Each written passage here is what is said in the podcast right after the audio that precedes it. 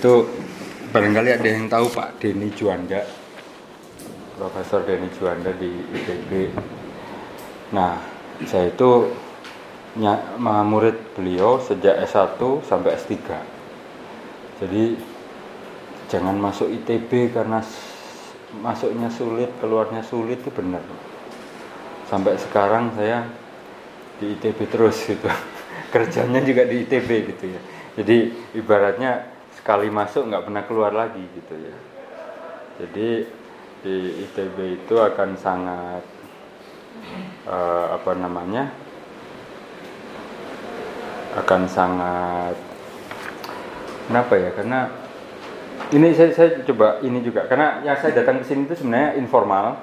Itu yang pertama. Yang kedua agenda utamanya tadi saya sudah cerita di IKM nanti saya cerita juga. Dan saya ke sini itu juga dalam rangka bertemu ibu dan bapak adik-adik gitu ya. Karena sampai hari ini saya belum pernah ketemu orang yang menyesal punya teman banyak gitu.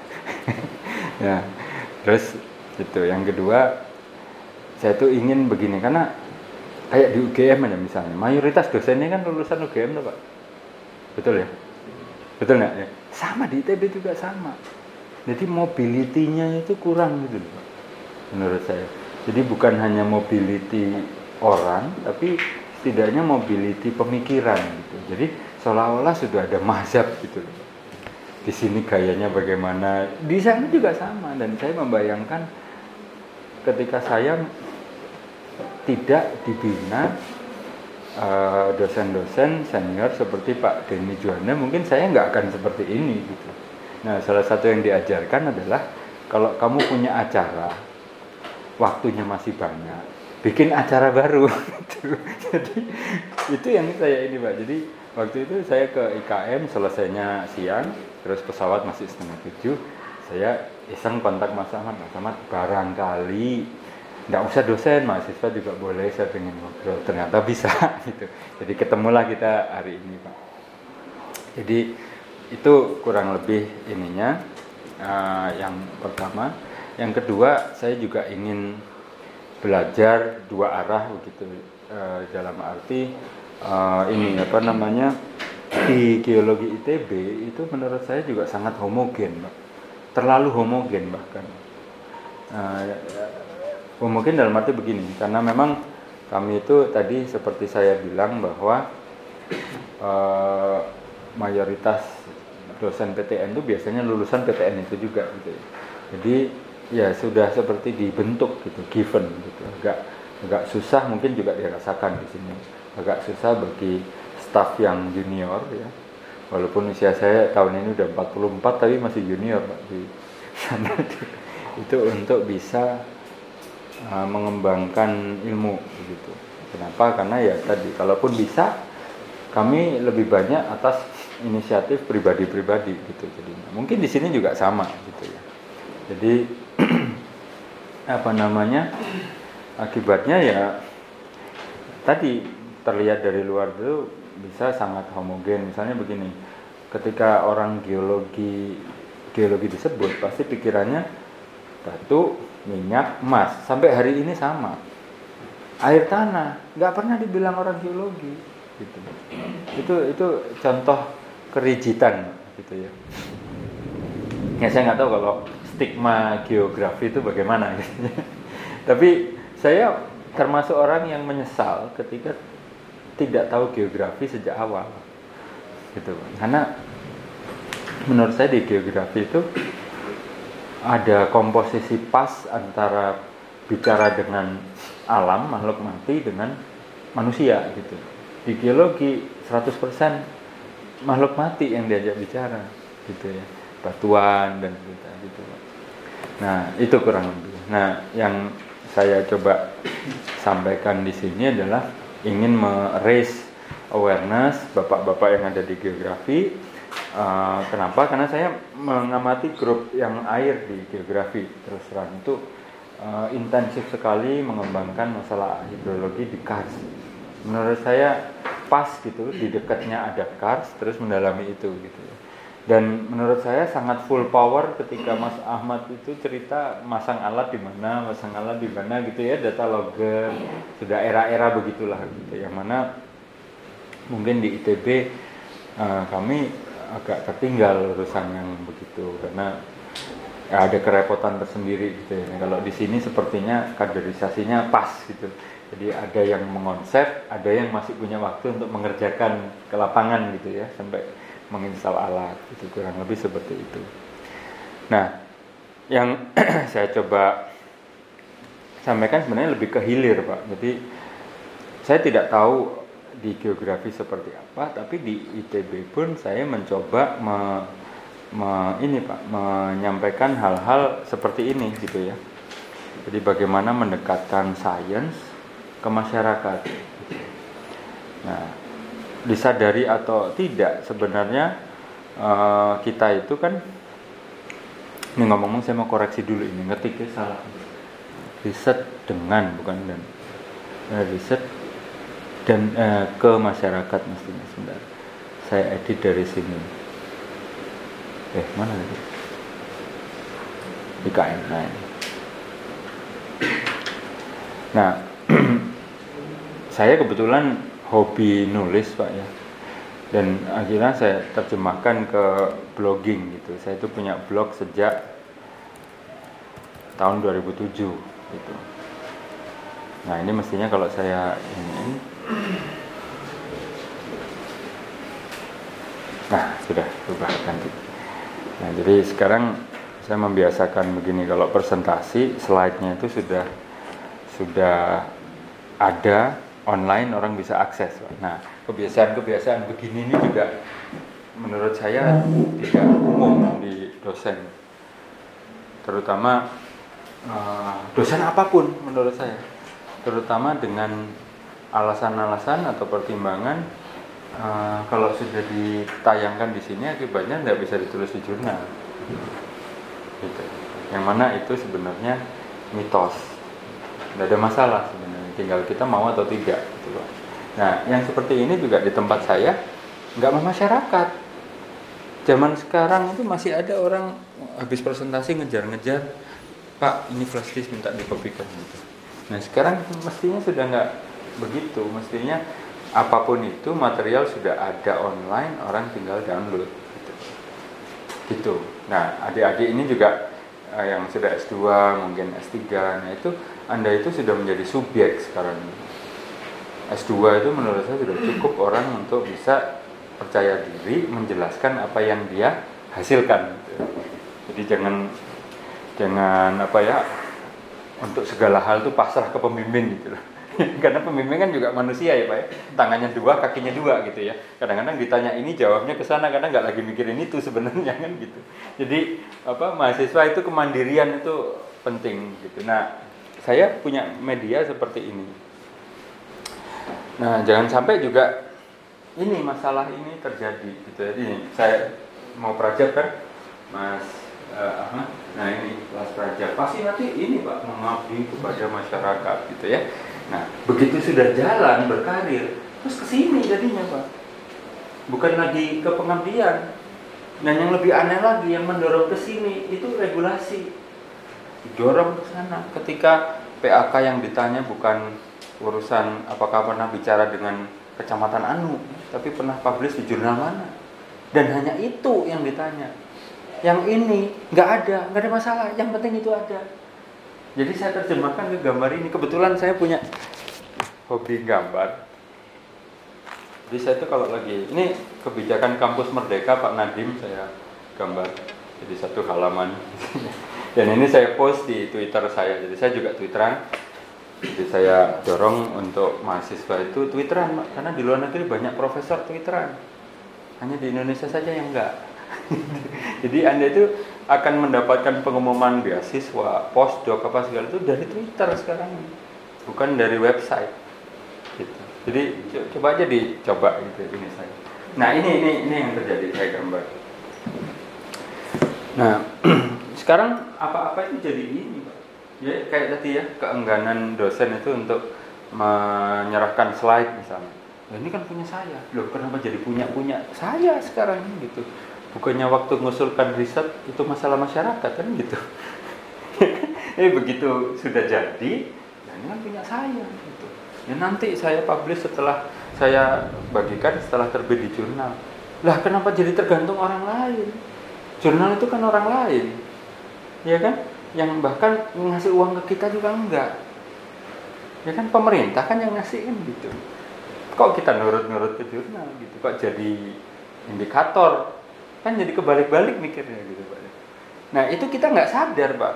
Kenapa? Karena paham seperti itu diturunkan gitu. dari senior saya ke saya saya ke junior saya terus ke mahasiswa. Jadi adik-adik mahasiswa juga nanti akan menerima informasi yang sama Coba aja direnungkan.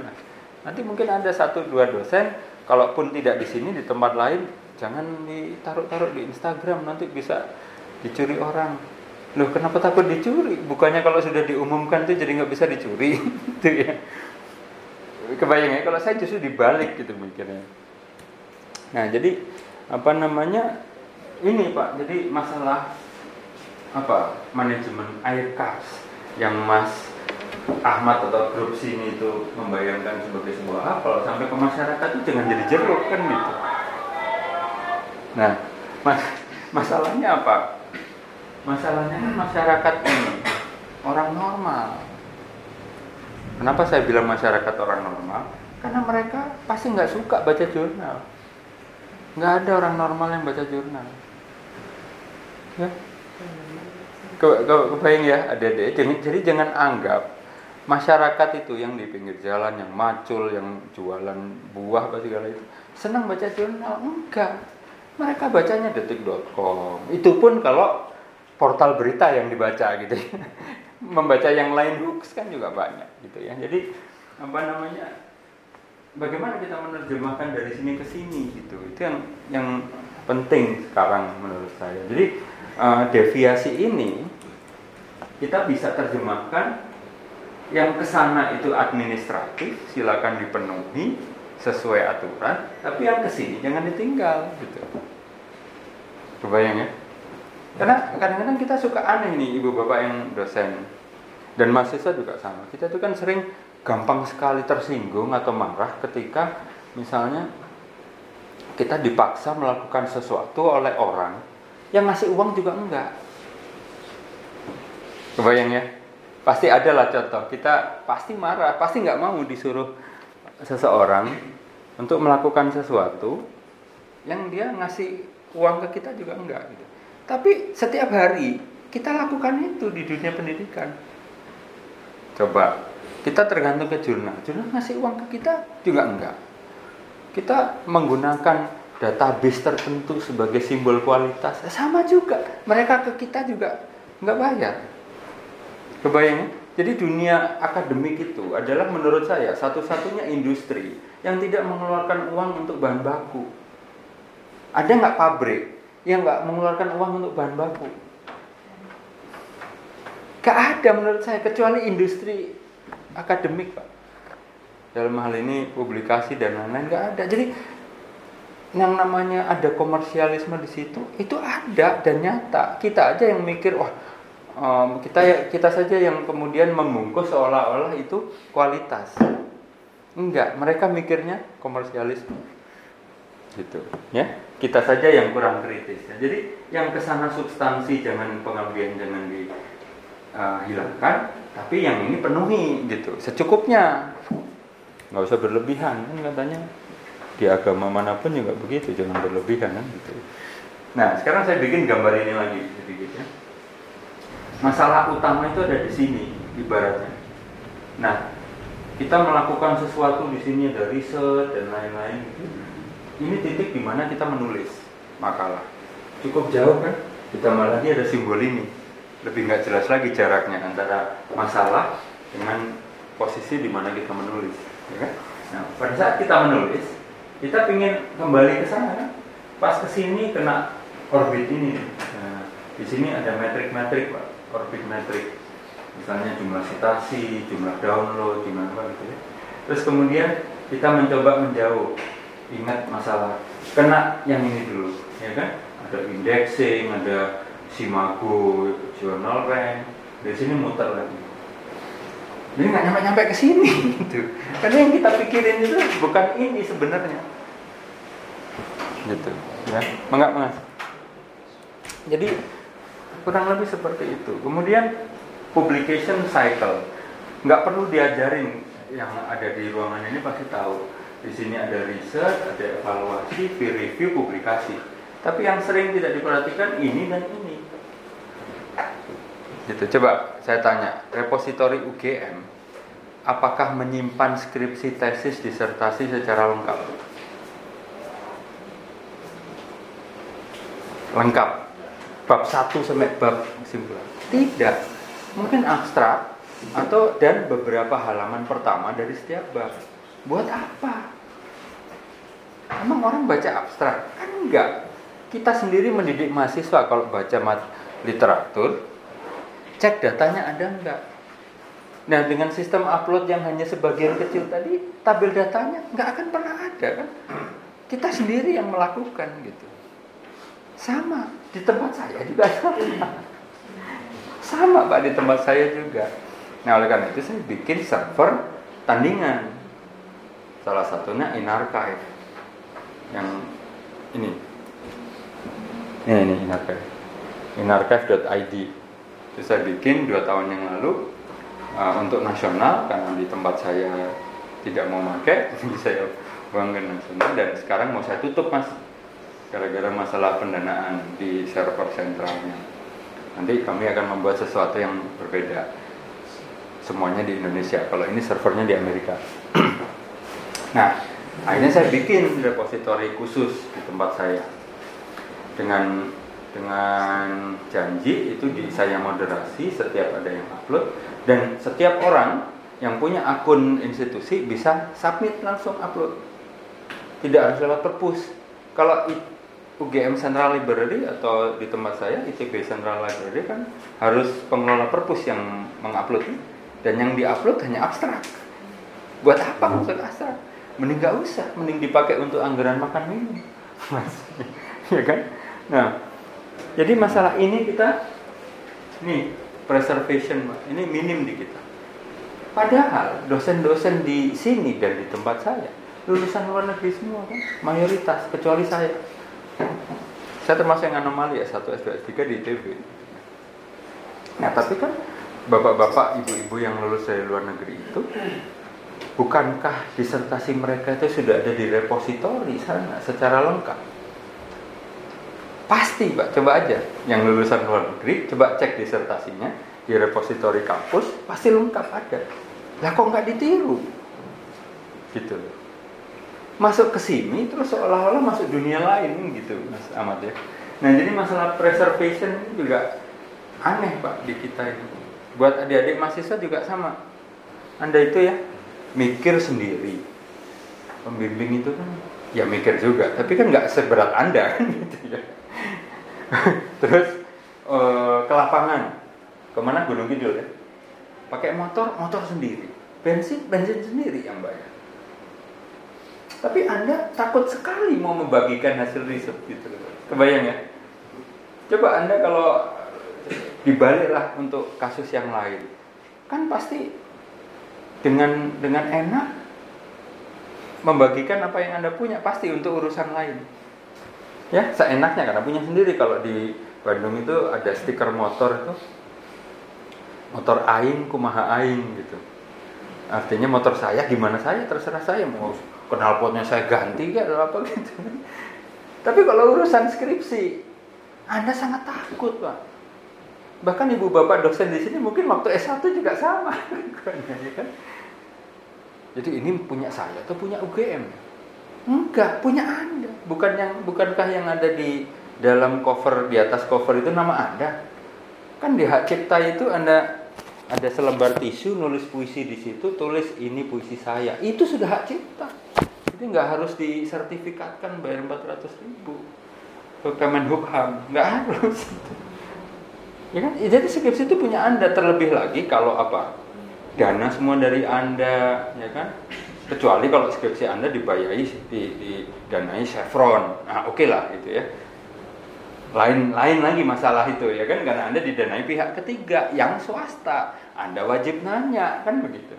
Tapi ini sudah apa-apa uang sendiri apalagi uang dari pemerintah uang pajak kan? Dapat dari dikti simulitap mas gitu.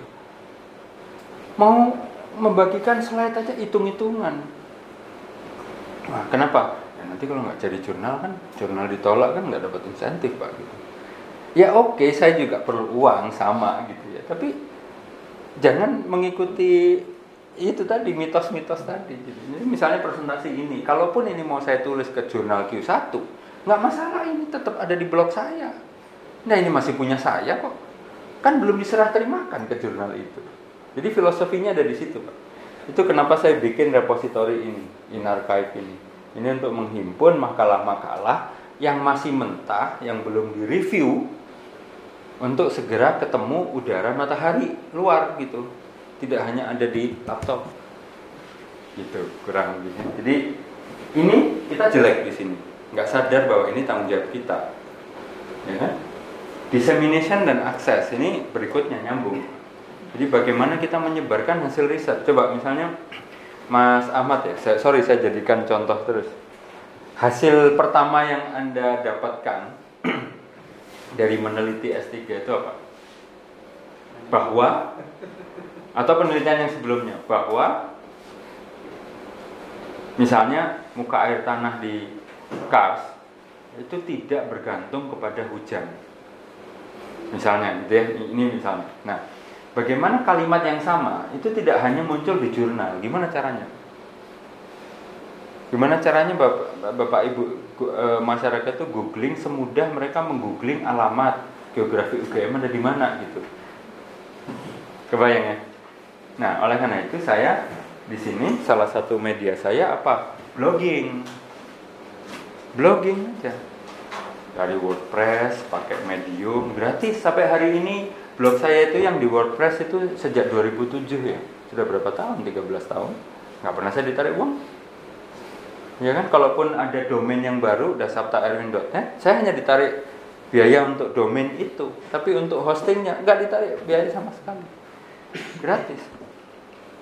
Anda mau taruh teks di situ ada gambar foto lagi di lapangan. Bahkan mengembed video YouTube bisa di situ. Ini slide ini kan sebenarnya slide Google Drive Google Docs. Bisa di embed di blog. Kebayang ya? Jadi uh, apa namanya blogging itu sekarang tidak harus memakan waktu terpisah gitu loh maksud saya. Ini kan langsung kan saya bikin slide untuk satu keperluan saya taruh di blog. Gitu. Jadi dibaca dibaca orang. Tidak lebih dari seminggu kalau saya googling judul blog saya muncul di internet gitu. Itu sudah uh, permainan mesinnya Google gitu. Kita manfaatkan. Jadi ini, nah pakai ini human language gitu. Jadi kalau ibu dan bapak adik-adik ini kan bangga, misalnya, wah lulus saya terbit di jurnal Q1 kan gitu ya. Itu yang diumumkan jangan hanya jurnalnya. Coba ibu bapak kan sering di Facebook ya. Ada yang punya Facebook sini? Pasti punya. Coba kelakuan rekan-rekan dosen kan sering begitu. Alhamdulillah sudah terbit makalah kami di jurnal Q1. Titik. Terus apa? Pesan apa? Nggak ada pesannya, Pak. Sebenarnya pamer aja itu. Nggak ada konten substansial mikirnya tuh nggak ada sebenarnya. Sorry, saya agak langsung ngomong begitu. Ya. Karena yang dipamerkan hanya status jurnal. Seperti saya beli Mercy nih, ada sekarang. Ya kan? Dia bisa nyupir bener atau enggak, kan nggak terefleksi di situ. saya punya Mercy C200 kan gitu. Gitu, Pak. Jadi kelakuan kita sendiri itu kadang-kadang mempromot perilaku yang tidak sehat gitu loh. Gimana caranya gitu ya kita kita habiskan gitu loh. Sampai saya itu saking kurang kerjaannya di kampus. saking kurang kerjaan. Saya sampai bikin coba di Google ya dengan handphone masing-masing. Template memajang makalah di medsos. Nanti pasti muncul tulisan saya. Nih, template memasang makalah di medsos. Jadi saya tulis sampai Pak. Jadi kalau Anda baru menerbitkan makalah yang perlu dibikin itu ini template-nya makalah ini bercerita tentang anu pentingnya ini metodenya bagaimana yang masih di, harus dikembangkan itu apa terima kasih ke siapa gitu kan ini kan lebih ada isinya pak nah yang sistem hanya pamer jurnal itu dari asisten ahli sampai guru besar. Kelakuannya sama. Jadi gak ada bedanya gitu pak. Antara yang masih perlu pangkat dengan yang tidak perlu pangkat gitu. Kebayang ya saya ngomong ekstrim sekarang ini. Saya ingin merubah perilaku ini dengan cara yang jalan tengahnya kita ambil gitu. Silahkan ibu dan bapak nyari jurnal Nature. Tapi setelah terbit mau dijelaskan dengan bahasa manusia gitu kebayang yang saya maksudnya. Saya sampai bikin gini. Saya punya YouTube channel. Subscribernya hanya 600 ini.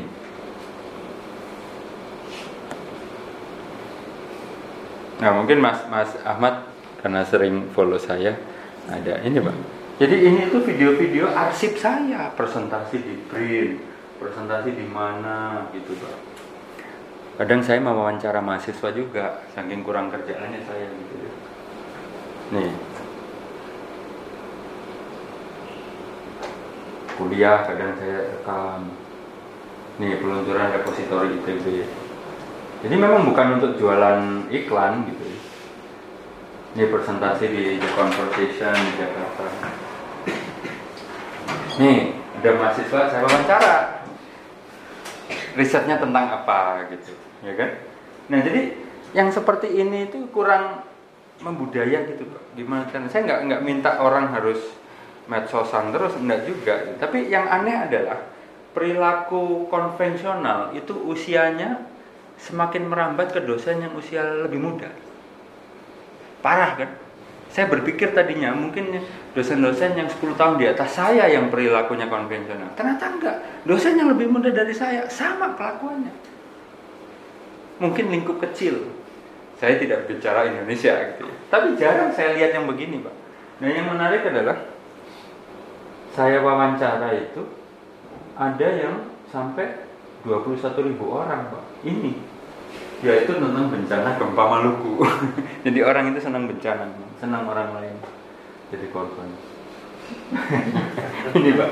Satu-satunya pak. Yang lain cuma 50 yang nonton. Ah, 10 11 ya, memang bukan itu eh 18 itu memang nggak menarik gitu. Ini mahasiswa di Taiwan saya wawancara lewat Zoom saya rekam. Gitu. buat saya saya juga belajar apa yang dia teliti gitu. Dia meneliti tentang aerosol dengan citra satelit. Kebayang ya? Jadi Anda itu kalau mau dapet, buat yang masih mahasiswa, pengen dapat ide riset, jangan pusing sendiri. Aja omong orang. Siapa tahu dari dia kita dapat ide gitu. Harus banyak ngomong sama orang, jangan diem aja gitu. Kalau punya ide, walaupun itu sebagai awal, sampaikan ke orang, nanti orang itu mungkin akan merespon. Di, kayaknya saya pernah lihat makalah ini ditulis di sana Nah, kalau Anda mau niru, mungkin pada waktu yang berbeda Anda bandingkan. Itu kan riset. Atau jangan yang ini, mending sisi yang sana, kan gitu. Nah, itu kan hanya terjadi kalau Anda bisa mengkomunikasikan ide riset Anda kan. Jadi ini ini channel YouTube ya bukan channel ini sebenarnya. ya. Itu kurang lebih.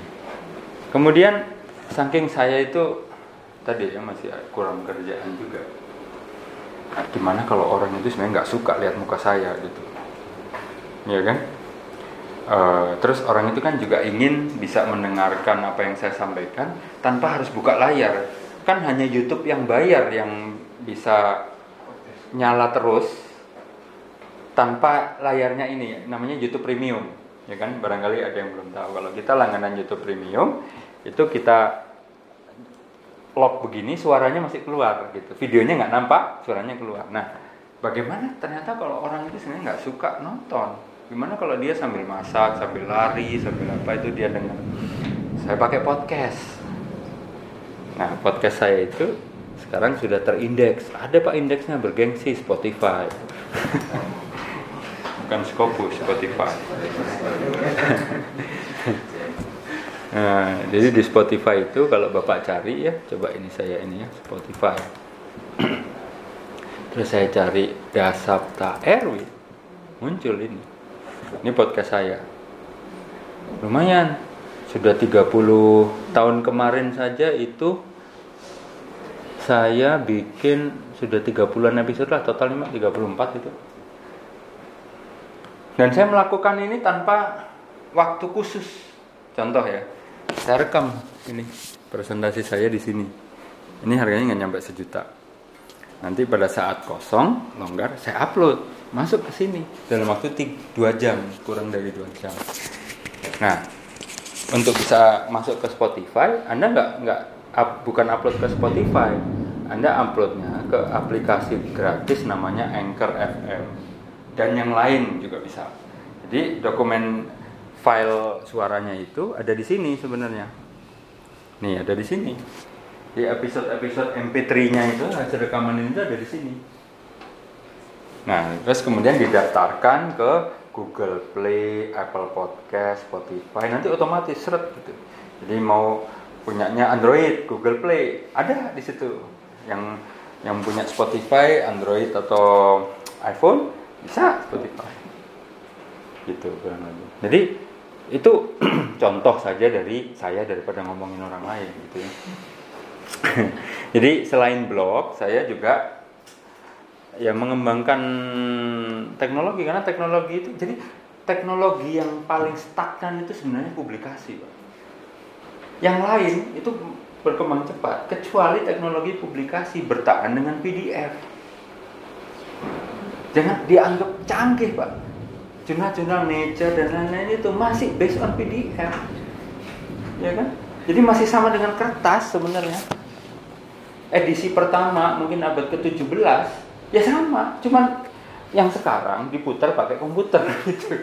Dulu hanya pakai buku. Jadi sebenarnya nggak beda jauh. Lompatannya itu nggak ada. Kita rely on teknologi seperti itu gitu. Ya. Nah paling sekarang sedikit berkembang paper itu direformat menjadi HTML jadi dengan blog supaya bisa di copy paste langsung kan gitu. Kalau PDF kan nggak bisa. Nah jadi itu sebenarnya. Jadi sebenarnya teknologi-teknologi untuk mainstream dissemination jurnal itu sebenarnya tidak berkembang jauh. Tapi justru kita rely nasib kita itu ke sana sebagian besar. Nah, yang ke sini yang secara substansial mestinya kita lakukan karena dia punya jangkauan lebih luas, karena segmen pembaca, segmen pendengarannya lebih luas. Teknologinya melompat lebih jauh, tapi kita tidak tidak pakai itu gitu. Kebayang ya? Jadi jangan dibayangkan kalau podcast tuh wah saya harus kayak podcast UGM punya barangkali belum tahu ya. UGM kan punya podcast. Itu di studio pakai mic merek Rhodes yang harganya jutaan. Gak usah. Saya podcastan itu WhatsApp call. WhatsApp call pakai ini ya beberapa podcast saya begitu. Terus ini supaya lebih jelas saya tempel di sini. Terus saya ngobrol. Jelas itu suaranya. Jadi seolah-olah saya sedang bicara gitu jadi nah tapi selayaknya dosen yang berbasis data ada linknya gitu nah bukankah ini promosi pak sebenarnya jadi kalau kita sebenarnya masih ingin citasi kita naik justru kelakuannya harus begini gitu. Marketing ke mana-mana. Bila perlu di billboard itu di Sucipto keluar ada billboard. Jadi makalah ini ya saya bikin bikin gambar ini juga. Misalnya Bentar, saya kasih contoh. Nah ini tentang coronavirus ya kan? Ini di foto andai kan ini hasil riset saya. Saya foto saya tanya billboard di situ kalau untuk keperluan sosial berapa pak? Gitu. Bapak dari mana? Saya dari masjid. Siapa tahu diterima. Tinggal ditulis di sini Masjid Al Furqon kan gitu. Tempel ini di billboard. Gitu mestinya. Jadi citasi dapat masyarakat ngerti bahwa coronavirus itu ternyata berkembang dari kelelawar. Lah kok bisa penyakit dari kelelawar ke manusia? Mungkin karena kita terlalu dekat dengan mereka. Misalnya, gitu ya. Saya bukan dokter. Nah jadi kan lebih menyenangkan mbak ya. Jadi habis nulis makalah, mbok dijelaskan dengan bahasa manusia gitu. Ya karena makalah itu tidak pakai bahasa manusia menurut saya. Nah benefitnya apa? Kita main tadi ya berbagai media itu. Networking. Ya terus ini pak akademik produk. Sekarang saja ini belum tidak diperhitungkan. Suatu saat diperhitungkan pak. Percaya mas? Bagaimanapun dosennya aktif menyebarkan ilmu dengan berbagai cara itu kan skornya pasti lebih tinggi dibanding yang pasif kan? Suatu saat ini kan diperhitungkan bukan hanya jurnal. Ya kan? Scientific branding jadi kalau di Google nggak salah lagi Pak, Mas Ahmad Cahyadi itu hidrologi Kars, bukan ahli penyakit uh, sapi misalnya gitu ya dari Fakultas Peternakan, nggak akan gitu. Kenapa? Karena dia lebih intens. Google itu kan mesin pencari itu mereknya apa pun menyenangi sesuatu yang sering diupload, sering diupdate, kan gitu ya. Jadi nggak akan salah gitu. Kemudian Oke, okay, itu. Nah, mitos-mitos ini perlu dilawan, ya. Prior publication itu istilah untuk uh, apa? Pengelola jurnal googling makalah yang masuk, loh ini sudah pernah ditaruh di repositori, skripsi, nggak bisa dong di tempat saya. Nah, percaya nggak kalau Elsevier saja panutan semua orang sedunia nggak bilang tesis online itu sebagai duplikasi kok. Saya bikin blognya khusus untuk itu, saking saya kurang kerjaannya. Jadi kebijakan jurnal Elsevier. Barangkali ketangkep. Oke, yang labelnya good science, good science itu dari saya. Coba ya. Ini saya acak loh nih Pak, pakai kata kunci yang baru. Ternyata muncul juga. Nih. Nah, saya blogging juga ya. Sebenarnya tidak khusus. Ini itu saya copy paste dari pesan saya lewat email jawaban saya ke orang yang nanya atau pesan saya di WhatsApp grup. Saya copy paste ke sini, saya ilangin nama orangnya. Selesai. Kan kontennya umum ini sebenarnya. Pertanyaan yang setiap hari saya terima di WhatsApp grup. Kan? Nah, Nah. Nih, jadi pendek kata, ibu dapat membuat versi OA dari makalah yang dimuat di jurnal non OA. Bisa. Nah, sekarang masalah prior duplication. Ini tautan Elsevier. Nih.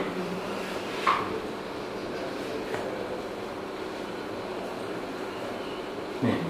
Authors can share their preprint anywhere at any time preprint itu adalah makalah yang belum mengalami peer review.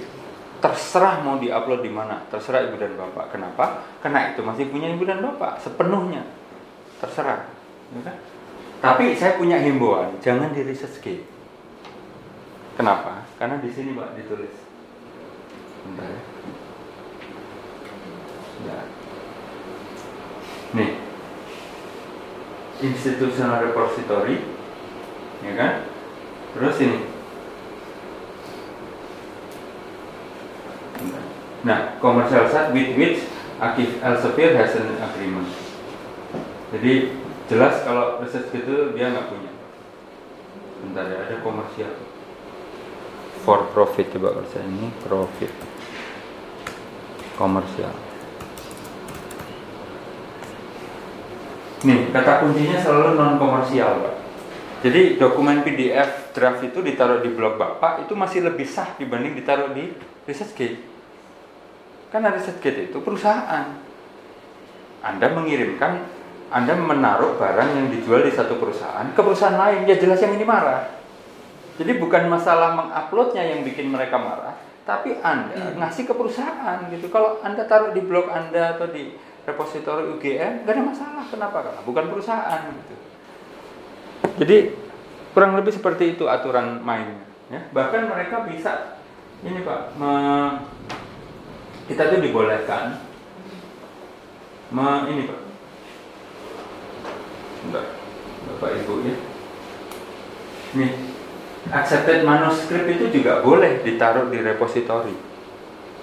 Selama yang diupload itu versi mentah. masih Microsoft Word bukan versi final tayang yang sudah cantik dua kolom dan lain-lain. Gitu. Ini accepted manuscript jadi anda uh, ngirim terus ada review anda perbaiki anda kirim lagi terus review bilang oke okay, ini sudah. Nah itu final itu. Isinya pasti nggak akan jauh beda dengan yang tayang. Pasti. Gitu. Nah yang tayang ibu bapak bisa adik-adik kalau nggak punya uang untuk open access Jangan kirim ke open access, kirim aja ke yang non open access. Ada kembarannya di sini yang open access kan. Isinya sama, tapi yang disitir yang sana gitu. Sebelum saya datang pernah mendengar info ini? Sudah pernah? Sudah ya? Dari siapa, Pak? Ya, Dari website siapa? Ya, baca-baca peraturan-peraturan. Oke, bagus kalau masih kritis Pak. Jadi saya hanya menegaskan aja hari ini. Jadi kurang lebih itu. Terus yang masalah itu masalah prior duplication ya. Prior publication.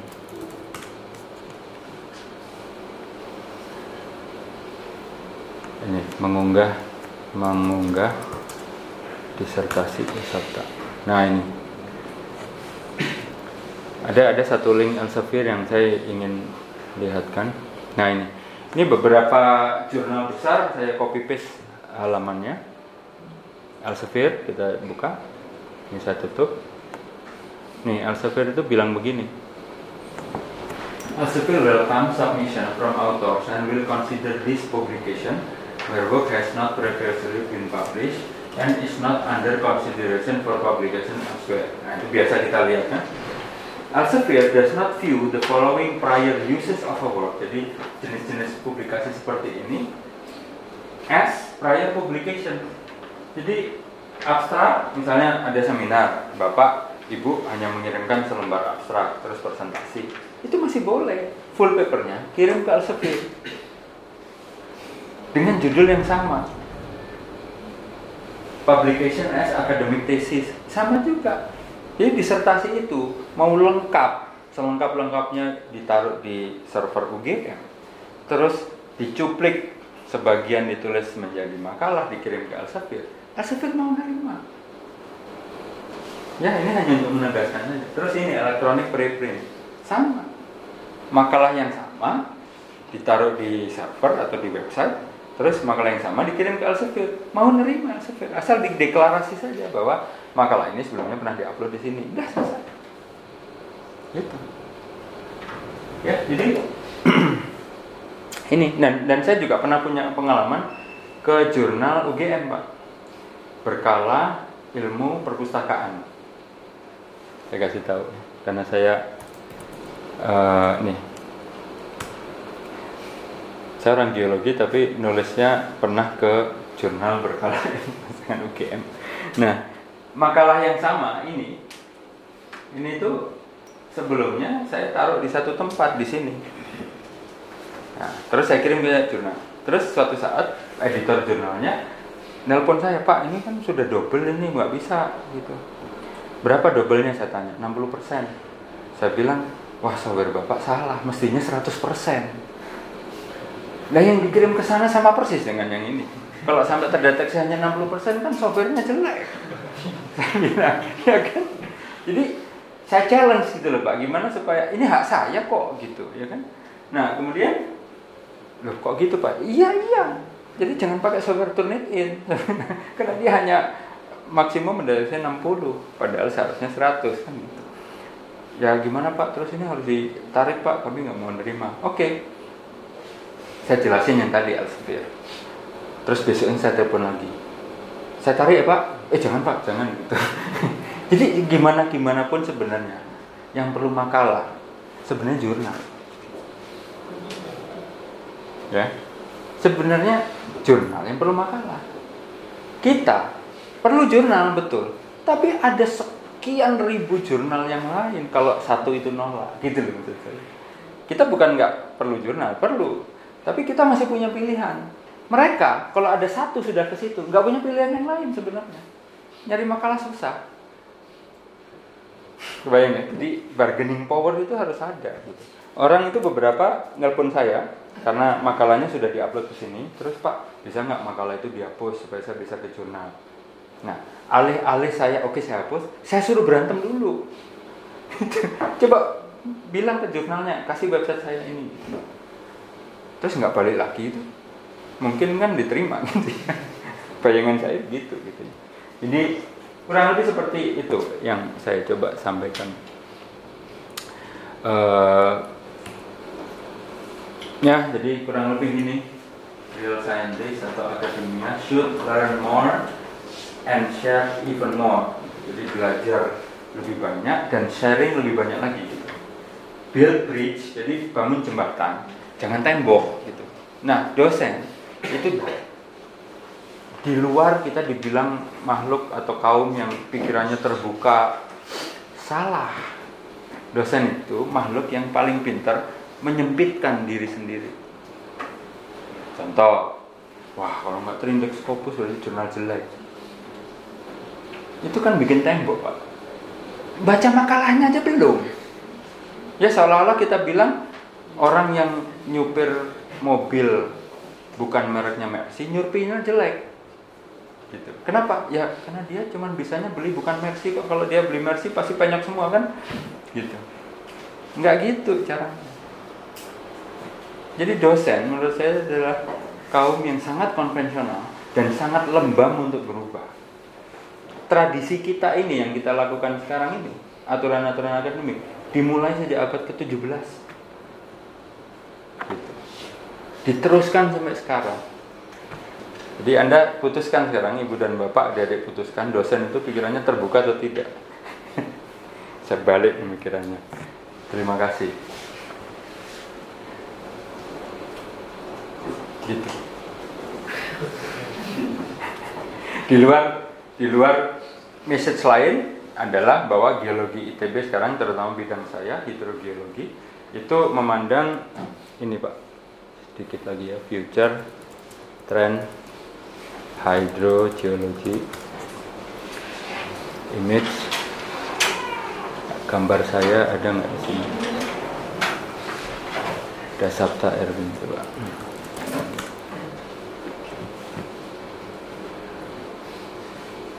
Nah ini contohnya.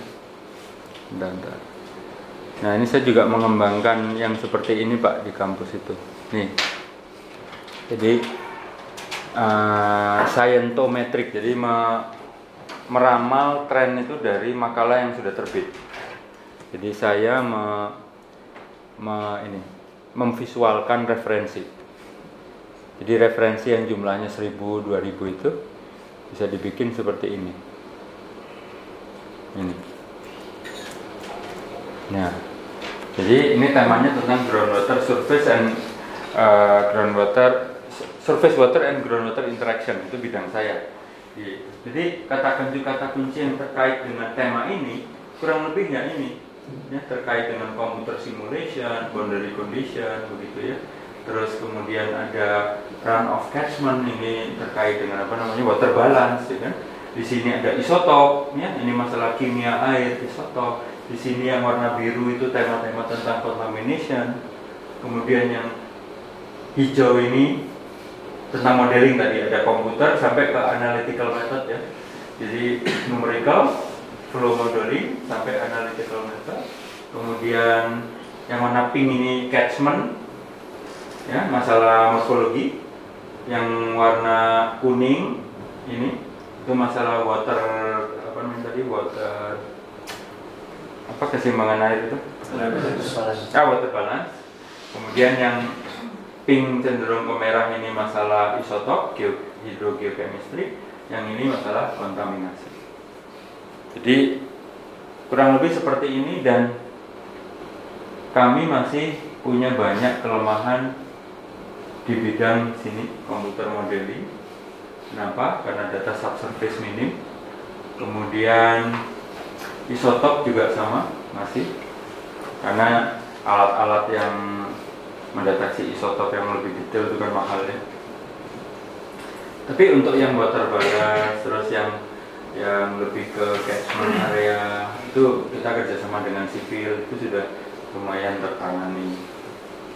Nah jadi kita bisa bikin seperti ini juga Pak untuk mensimulasikan posisi geografi UGM di tengah produktivitas paper bikinan dosen UGM secara menyeluruh total. Nah ini posisi saya. Gimana Pak? Gimana? Kan gambarnya juga di yang bawah. Oh iya, yang bawah itu ini berdasarkan keyword ya Pak ya. Kalau yang ini, oh ini membandingkan saja first trial. Jadi keyword itu bisa diseleksi Pak, bisa eh, apa namanya yang sifatnya automatic, ada yang sifatnya supervised kalau istilah remote sensing. Nah yang supervised itu ini, ini yang yang itu, yang apa namanya, yang automatic, nggak terlalu beda jauh. Authorship, bentar, authorshipnya ini, ya, bentar. Ini second trial. Ini sorry, yang tadi itu unsupervised, yang ini supervised. Kita juga bisa bikin seperti ini, Pak. Jadi penulis-penulis yang banyak menulis dengan tema surface water and groundwater interaction itu ternyata tidak saling bicara. Buktinya ini sendiri-sendiri, Pak. Gitu. Kalau saling bicara, pasti ini nyambung. Saling menyitir atau saling menulis bersama, maka ini pasti menyatu. Buktinya enggak. Contoh seperti ini. Nah, dua orang ini sering nulis bareng. Gitu. Itu bisa di ini kan. Nah, ini ini ada garis ya, authorship. Jadi tadi pakai warna, ini pakai garis. Beda cara memvisualisasikan. Nah, ini kalau saya perbanyak. Jadi kalau tadi itu first trial hanya orang dengan kalau nggak salah publikasi lebih dari lima. Kalau ini kurang dari lima. Mulai banyak kan? Dan ternyata juga nggak semua orang saling bicara gitu. Nah ter terutama yang battlean tadi ini ada satu. Ya tetap ini orang Australia nggak nggak terlihat nah nanti kita juga bisa visualisasikan UGM atau ITB itu afiliasinya uh, banyak bekerja sama dengan afiliasi lembaga mana bisa jadi yang seperti ini itu saya juga main-main seperti ini. Dan ini juga belum terbit jadi makalah ini. Ini masih di sini aja saya simpen gitu. Ya kan tapi sudah bisa menjadi panduan gitu. Ini ada 281 paper. Ini kurang lebih gitu Mas Ahmad masalah drone-dronan juga kami belum gitu ya terutama drone yang bisa melihat kualitas air atau memprediksi ya pencemaran perubahan warna itu kami juga belum saya nggak tahu di sini jadi kalau bisa bekerja sama apakah di hulu pada saat riset masih baru mulai atau di hilir untuk urusan tulis menulis report atau apa ya, kami siap ini kontak nomor saya ada di Mas Ahmad. Oke, okay? ya mungkin itu Bapak Ibu terima kasih. Ada pertanyaan? Ada pertanyaan? Mohon maaf kalau bahasa saya kadang-kadang terlalu usia saya sudah 44 tahun Pak. Kapan lagi saya bisa terus terang? Saya sudah tidak seumur Mas Ahmad gitu, yang harus takut-takut sama senior gitu.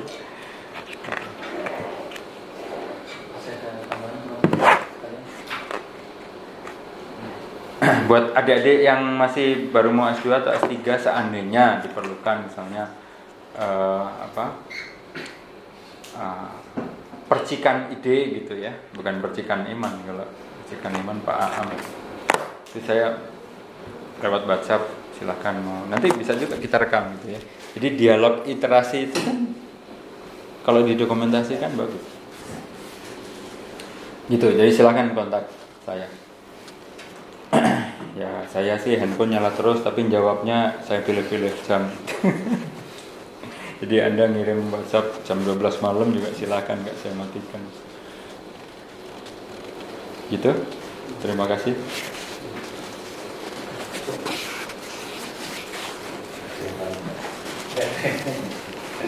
atau kalau mau offline nanya minta nomornya ke Mas Ahmad WhatsApp aja saya. Nunggu di bandara kan bisa sangat membosankan. Iya Pak, monggo Pak.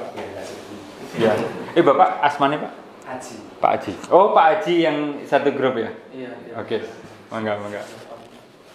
Kalau seperti apa? Bisa seperti apa? Eh, Jadi aspire atau springer itu kan, Ya, ya. jadi kan dia dapat uang. Ya, Sementara yang listrik kan autor. Gitu. Kan artinya kan itulah gitu. Apa termasuk ini nanti itu arahnya juga. Cuma memang masih ada itu kan gengsi kalau Nah, autor itu menerbitkan di publisher itu lebih diakui kan seperti itu. Itu kan tidak bisa lepas ya. Tadi Betul. Jadi Betul. Aturan seperti itu misalnya. ya, betul. Misalnya untuk naik pangkat aja sekarang Betul. kan pasti Ditanya jurnalnya bukan ditanya makalahnya kan? dapat Ya, iya. insentif minimal di berapa gitu. Iya, iya, iya, paham saya, Pak. Ada sebenarnya kita itu sebenarnya kalau kalau seperti saya ya. Yang penting itu malah saya kan jadi baca orang yang berkompeten terus nanti ada interaksi Betul. kan. Itu yang sehat. Ya, Iya, iya. Paham, itulah kita. paham, paham saya. Nah, oleh karena itu, betul. Oleh karena itu, yang bapak pikirkan itu sedunia juga sama, pak. Itu kan ini saya, saya kasih lihat ya. Saya itu dalam waktu tiga bulan ke belakang ini masuk ke satu jaringan pergaulan gitu. ya. Salah satunya kami berhasil menerbitkan makalah ini, pak. Sifatnya komentari dia ada makalah yang kami tidak setuju, kami tulis makalah tandingan di jurnal yang sama. Nah itu bisa jadi trik juga tuh. Kalau hanya ingin asal terbit di situ gitu ya, cobalah mengirimkan makalah yang sifatnya komentari terhadap makalah yang terbit di jurnal itu. Gitu pak. Kemungkinan diterimanya besar, ya kan? short, short communication apa Ya, ini ini komen pak. Ini jelas komen. Jadi komennya terhadap makalah yang sebelumnya ditulis sama si Sony itu, gitu kan? Nih, jadi ada orang Prancis itu Olivier, saya penulis kedua, dan semua orang ini mikirnya sama. Bule asli mereka pak, bukan orang Jogja. Ini orang-orang ini mikirnya tuh masalah diversity, bahwa orang tidak harus percaya hanya ke brandingnya gitu. Bule sama. Jadi yang bapak pikirkan sedunia juga mikir yang sama. Tapi kan ini sudah terlalu berakar pak ini tuh, ya kan? Nah karena ini non open access, kami upload ke sini. Ke Zenodo namanya ini repository juga punyanya CERN. Comments. Sebentar comment on affective mana yang Zenodo ya? Comments. Comments sono Zenodo. Nah ini. Jadi orang kalau nggak punya akses oh lagi lagi under maintenance CERN juga under maintenance bisa. Tapi intinya versi mentahnya kami upload di situ. Jadi orang yang nggak punya akses ke Science Direct bisa membaca makalah kami di situ. Yang berikutnya itu baru terbit seminggu yang lalu itu kalau ini open access di open access uh, publishing practice and geochemistry. Nah ini judulnya Helion.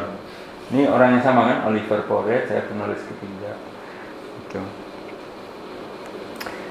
Nah, jadi berjejaring memang perlu gitu ya, perlu dan apa ya, ya, ya tadi bapak pengakuan perlu kita, ya kan. Tapi di belakang kepala kita itu kita juga harus tahu bahwa pengakuan yang sebenarnya itu ya dari tulisan kalau dibaca gitu.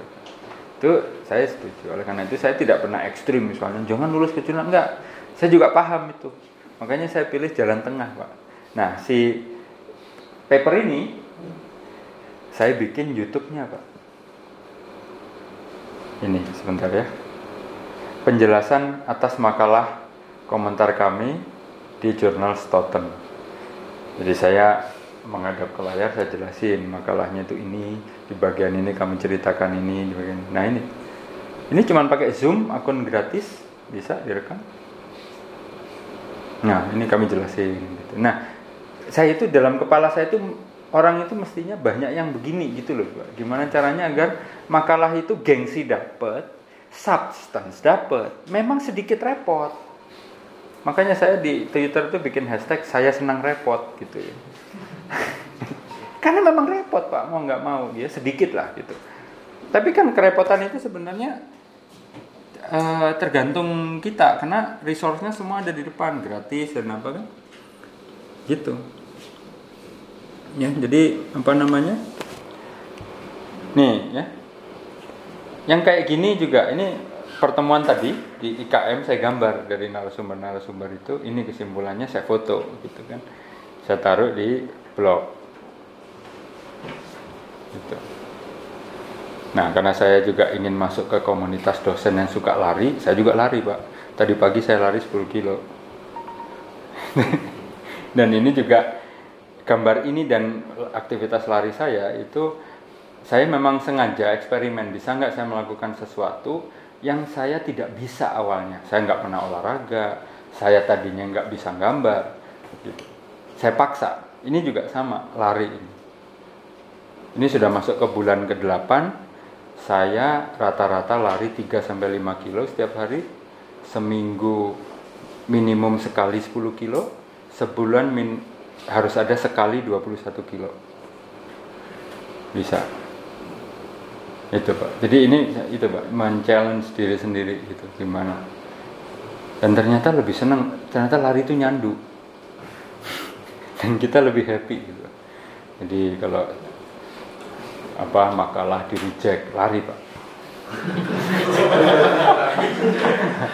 lupanya cepat, lupanya cepat, ya, gitu kurang lebih.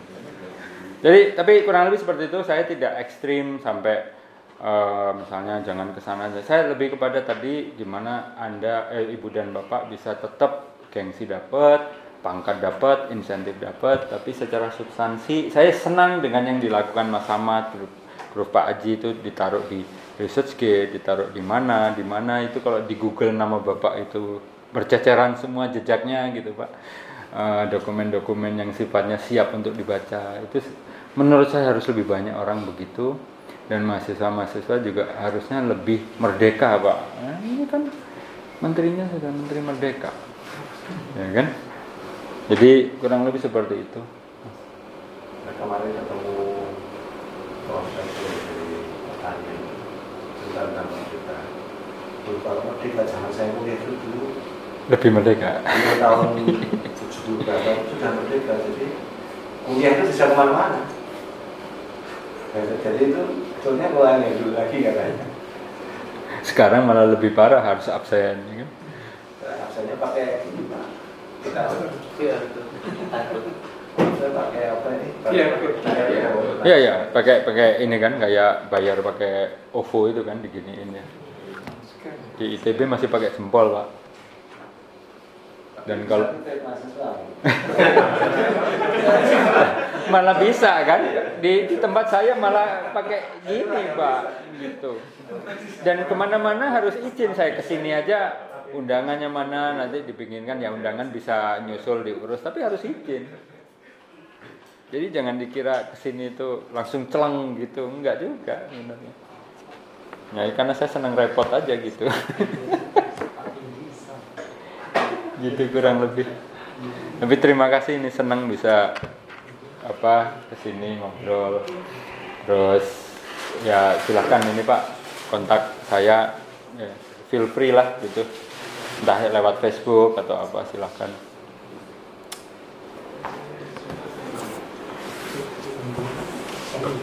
Jadi saya juga ingin geologi di tempat saya itu jangan sampai ada stigma gitu. Oh di situ mayoritas migas gitu. yang mana itu terjadi sekarang. Yang air tanah ini nggak terlalu ini. Yang geologi teknik juga nggak terlalu menonjol. Bukan tidak banyak aktivitas ya tapi ya itu tuh. Stigmanya belum ter ini gitu. Jadi kalau ada yang geologi geologi baru saya sangat menyarankan jangan niru kami gitu. Harus lain gitu kan. Itu dia. Nah, padahal ya kalau dipikir harga air itu lebih mahal kan. Sebenarnya kalau dipikir. Iya ya.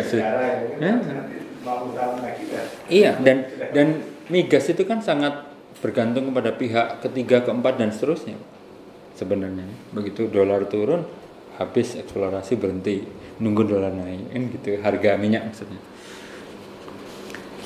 jadi sekian podcast saya di depan dosen-dosen geografi UGM. Terima kasih Mas Ahmad Cahyadi sudah memfasilitasi. Pak Aji juga berkenan hadir. Terima kasih. Eh, mudah-mudahan bisa nyambung silaturahim. Selamat sore. Assalamualaikum warahmatullahi wabarakatuh.